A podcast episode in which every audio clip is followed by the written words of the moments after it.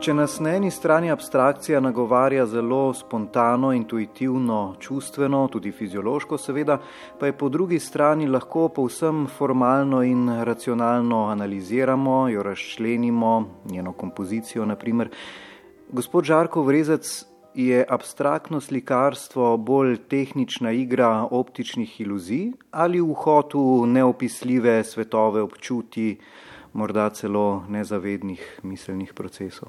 Bi rekel, da bolj to zadnje, kar ste rekel, predvsem pa bi mogoče rekel tudi, eh, da samega sebe jaz pravzaprav nisem nikoli imel za abstraktnega slikarja. Ne. Abstraktno je po moji misli bolj oznaka za neko obdobje in je, je nastala v bistvu bolj zato, da vemo, o čem se pogovarjamo. Namreč vprašanje likovnega jezika je ali pa slikarstva, recimo, kaj je v slikarstvu resnično. Ne?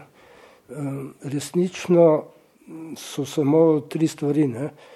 Se pravi, format, ki je žal omejen, ne moremo naslikati neskončnih podob, ne? potem material, barva in pa svetloba, seveda brez svetlobe ni nič. Ne?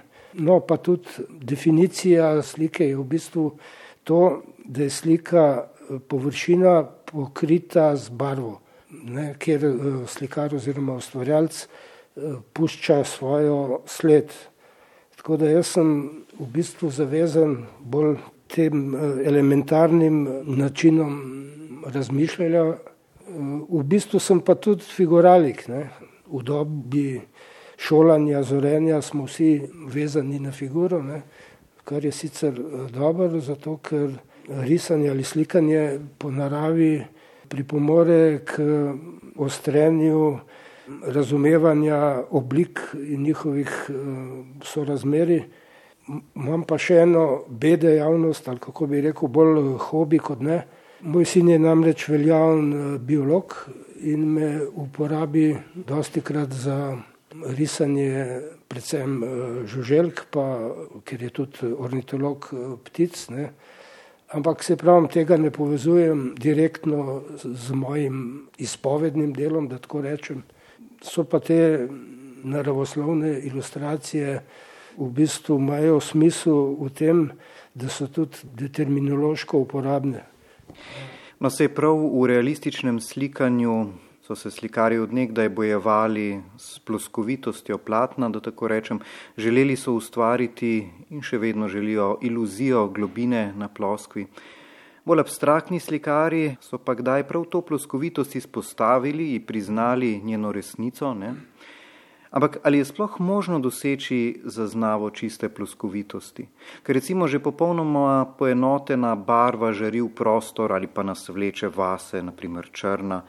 In ko se dve ploskvi združita, med njima nastane optična hierarhija v tretji dimenziji in to je pri vas nenehno, ta igra plosko in prostor. No, to je zanimivo vprašanje, kajti tudi sam sem se v nekem obdobju ukvarjal s tem. Namreč moje zanimanje je, kaj je to bilo konec 70-ih, začetek 80-ih, eh, vprašanju, ali posamezni barvni nanosi barve materijala tvorijo tudi tretjo dimenzijo, debelino. Odgovor je bil, da ja, ne, s tem, da sem to mnenje radikaliziral, s tem, da sem začel obarvane trakove prepletati, pustil sem perforacije. Ne, To obdobje sem takrat imenoval prostor slike, ker ni šlo več za kateri koli prostor, ampak za povsem specifičen eh, prostor slike. Potem je to razmišljanje tudi preraslo v ambientalne eh, postavitve in tudi eh, to, da je gledalec aktivno, fizično lahko posegal v sliko. No, se to bi vas želel vprašati, ta odnos gledalca do izdelka v smislu modernističnega in postmodernističnega pristopa, ker prav v tej interaktivnosti pa je govora ob vaših delih, ko jih postavite v prostor, ne kot skulpture. Ja, to je bilo pač eh, obdobje. Ja.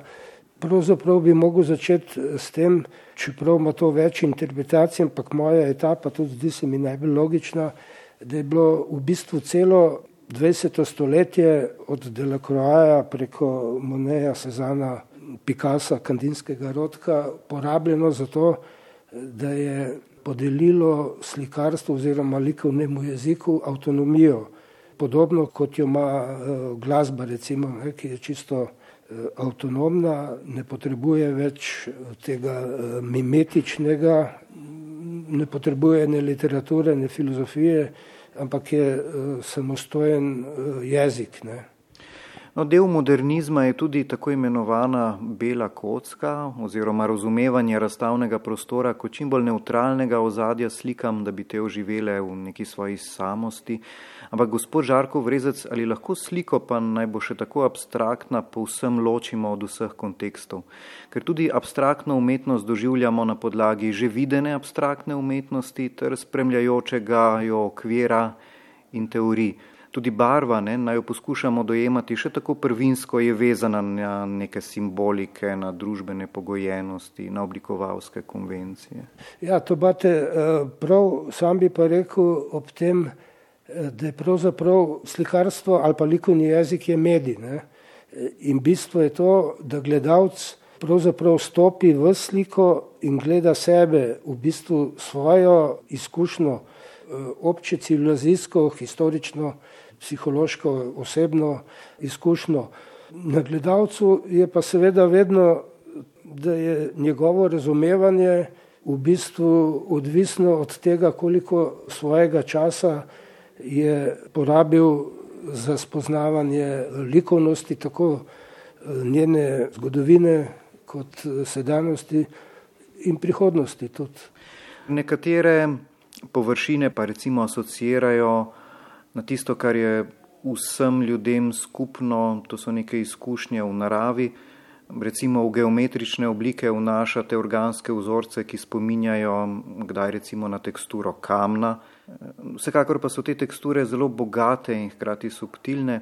Zanima me ta odnos med ostro, pravokotno zamejeno obliko, ki je v bistvu geometrična, ki je zelo blizu človeškemu načinu, arhitekturi recimo, in na drugi strani tem vzorčnim fluidom, ki jih vanjo ujamete in so pa precej naravni ne, po svoji logiki. Ja, ta napetost med, jaz bi rekel, evklidskim in kaligrafskim je zelo privlačna in v bistvu je potrebna. Zdaj, a je to samo to, ali so druge napetosti znotraj podobe, je pač stvar ustvarjalca. Ne. Mene zelo privlači ta dramatika ne, med ravno črto in kaligrafsko. Ne. Vedno je pa tako, no, da posamezen ustvarjalec najvažnejše je to, da brska po sebi in ugotavlja, kaj ga privlači, kaj ga zanima, in to se potem vidi v kontinuiteti likovnega razmišljanja. Ja. No, že zelo zgodaj v vašem ustvarjanju v 70-ih letih ste likovne elemente kdaj gostili ob robu slikovnega polja, proti sredini pa nas je vase srkala praznina. Zanima me vaš odnos do konvencije pravokotnega formata in sicer zato, ker se je niste vedno držali. Torej, kako razmišljate o robu slikovnega polja, o njegovi meji, ki ste jo pogosto tudi prestopali, razgibano zamikali in tako je prav rob postal pomemben kompozicijski element? Ja, to so bila 70. leta. V bistvu me je takrat eh, zanimala barva kot barva ne? in te robni zariski, zapiski so to osnovno barvo slike poudarjali. Ne? Takrat vem, da so bili naslovi slik Rdeči rudnik, eh, Modra obala in tako naprej. No. Potem se je pa pokazala potreba po prodoru v sredino slike, se pravi v notranjo slike, pri čemer sem takrat uporabil to mrežno matrico. Temu obdobju so rekli takrat all over po slovensk, ne vem, čez vse. No, in to je bil ta prodor v notranjost podobe z mrežo. Ne, in ta mreža, mislim, da je imela številne asociacije ne, na modernizem, ker je bila mreža takrat zelo prisotna ne, in je postala že kar nekakšen označevalec modernizma, po drugi strani je asociirala na križ, torej tukaj so bile neke simbolike, tudi neki pomeni. Ne. Ja, čeprav eh, jaz bi sam rekel, da je šlo bolj za neko repeticijsko matrico ponavljanja površine, eh, označb površine. No, to mrežo sem potem začel razpirati, pri tem so se pa pokazale tudi neki obrisi organskih oblik. Ne? In pa v obdobju, to so tako rekli takrat, nova podoba ali Transavargarda ali kako že, v sredini 80-ih in 90-ih je to eh, celo preraslo v figuro, ki je bila sicer bolj abstrahirana. Ne? Uporabil sem celo neko parafrazo na Picassove eh, avignonske gospodične, tako da to je bil moj skromni prispevek novi podobi. Recimo. Ampak na nekaterih slikah pa tudi pozneje ploskve zamikate, kot da bi platno razstavili na več različnih platen, ampak kljub vsemu kot neko enovito delo, ki pa pač ima to neko razgibanost formata. Ne? Ja, ja. No, to se mi zdi, da sem uporabil bolj iz potrebe po neki cezuri, po neki prekinitvi, recimo linije, eh, ploskve. Je pa to bilo in v bistvu je še ostank eh, tega mrežnega razmišljanja ob koncu 70-ih. In ta mreža se je potem na nek način zamaknila ne, tudi v diagonale in v ukrivljene linije, in sploh linija um, je vse prisotna pri vas, teče čez sliko, se kdaj odebeli v površino ali pa je tanka kot las, je pa nenehno prisotna. Ne. Je, eh, Je pa v bistvu tako, da so vse moje slike bolj ali manj niso plot nekega načrta, ne, ampak nastajajo v bistvu intuitivno. Tako da, če kdaj izpade tako, da je to moje delo posledica neke metode ali pa načrta, v bistvu niti ni, ne, ampak so to elementi, ki so verjetno spravljeni nekje v podzavesti. Na tej razstavi v mestni galeriji Ljubljana si lahko ogledamo slike manjšega formata. To so manjši organizmi, kot jih imenujete. Ne? Ja, mestna galerija kot eno osrednjih razstavišč, ne samo v Ljubljani, tudi eh, širše, se mi je ob prijaznem eh, povabilu eh, pokazala potreba po neki razstavi, ki bi zajemala nekoliko daljše obdobje in sem se pač odločil, da pokažem manjše formate na papirju, ki nastajajo tako rekoč vsak dan. Tudi sama galerija se mi je zdela zelo primerna za te manjše formate, ker če bi pripravil pregledno razstavo teh galerijskih formatov večjih, bi lahko iz vsakega obdobja postavil eno sliko, dve, tri in bi se mogoče zgubila ta kontinuiteta razmišljanja. Ne. Pri teh malih eh, formatih je pa tako dragoceno tudi to, v bistvu, da niso nastajala eh, z mislijo, da bi jih kdaj pokazal, nastajajo bolj zato, da dohitevam svoje misli, ideje, ker so pač mali formati na papirju bolj obvladljivi in eh, mislim, da razstava sama pokaže to kontinuiteto likovnega razmišljanja.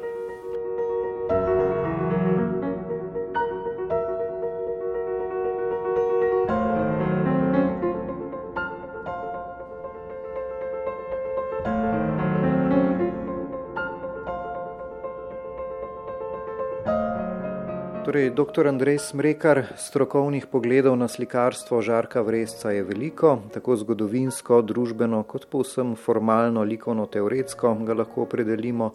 Kako ste se vi lotili priprave uvodne študije za katalog? Ja, jaz sem to besedilo napisal bolj kot eno osebno izkušnjo, ker žarata poznam iz študentskih let. Ne, na akademiji pri fotografu Miru Zdovcu smo se spoznala in občasno srečevala. Tudi uh, pisal sem že nekaj o njegovem delu ne?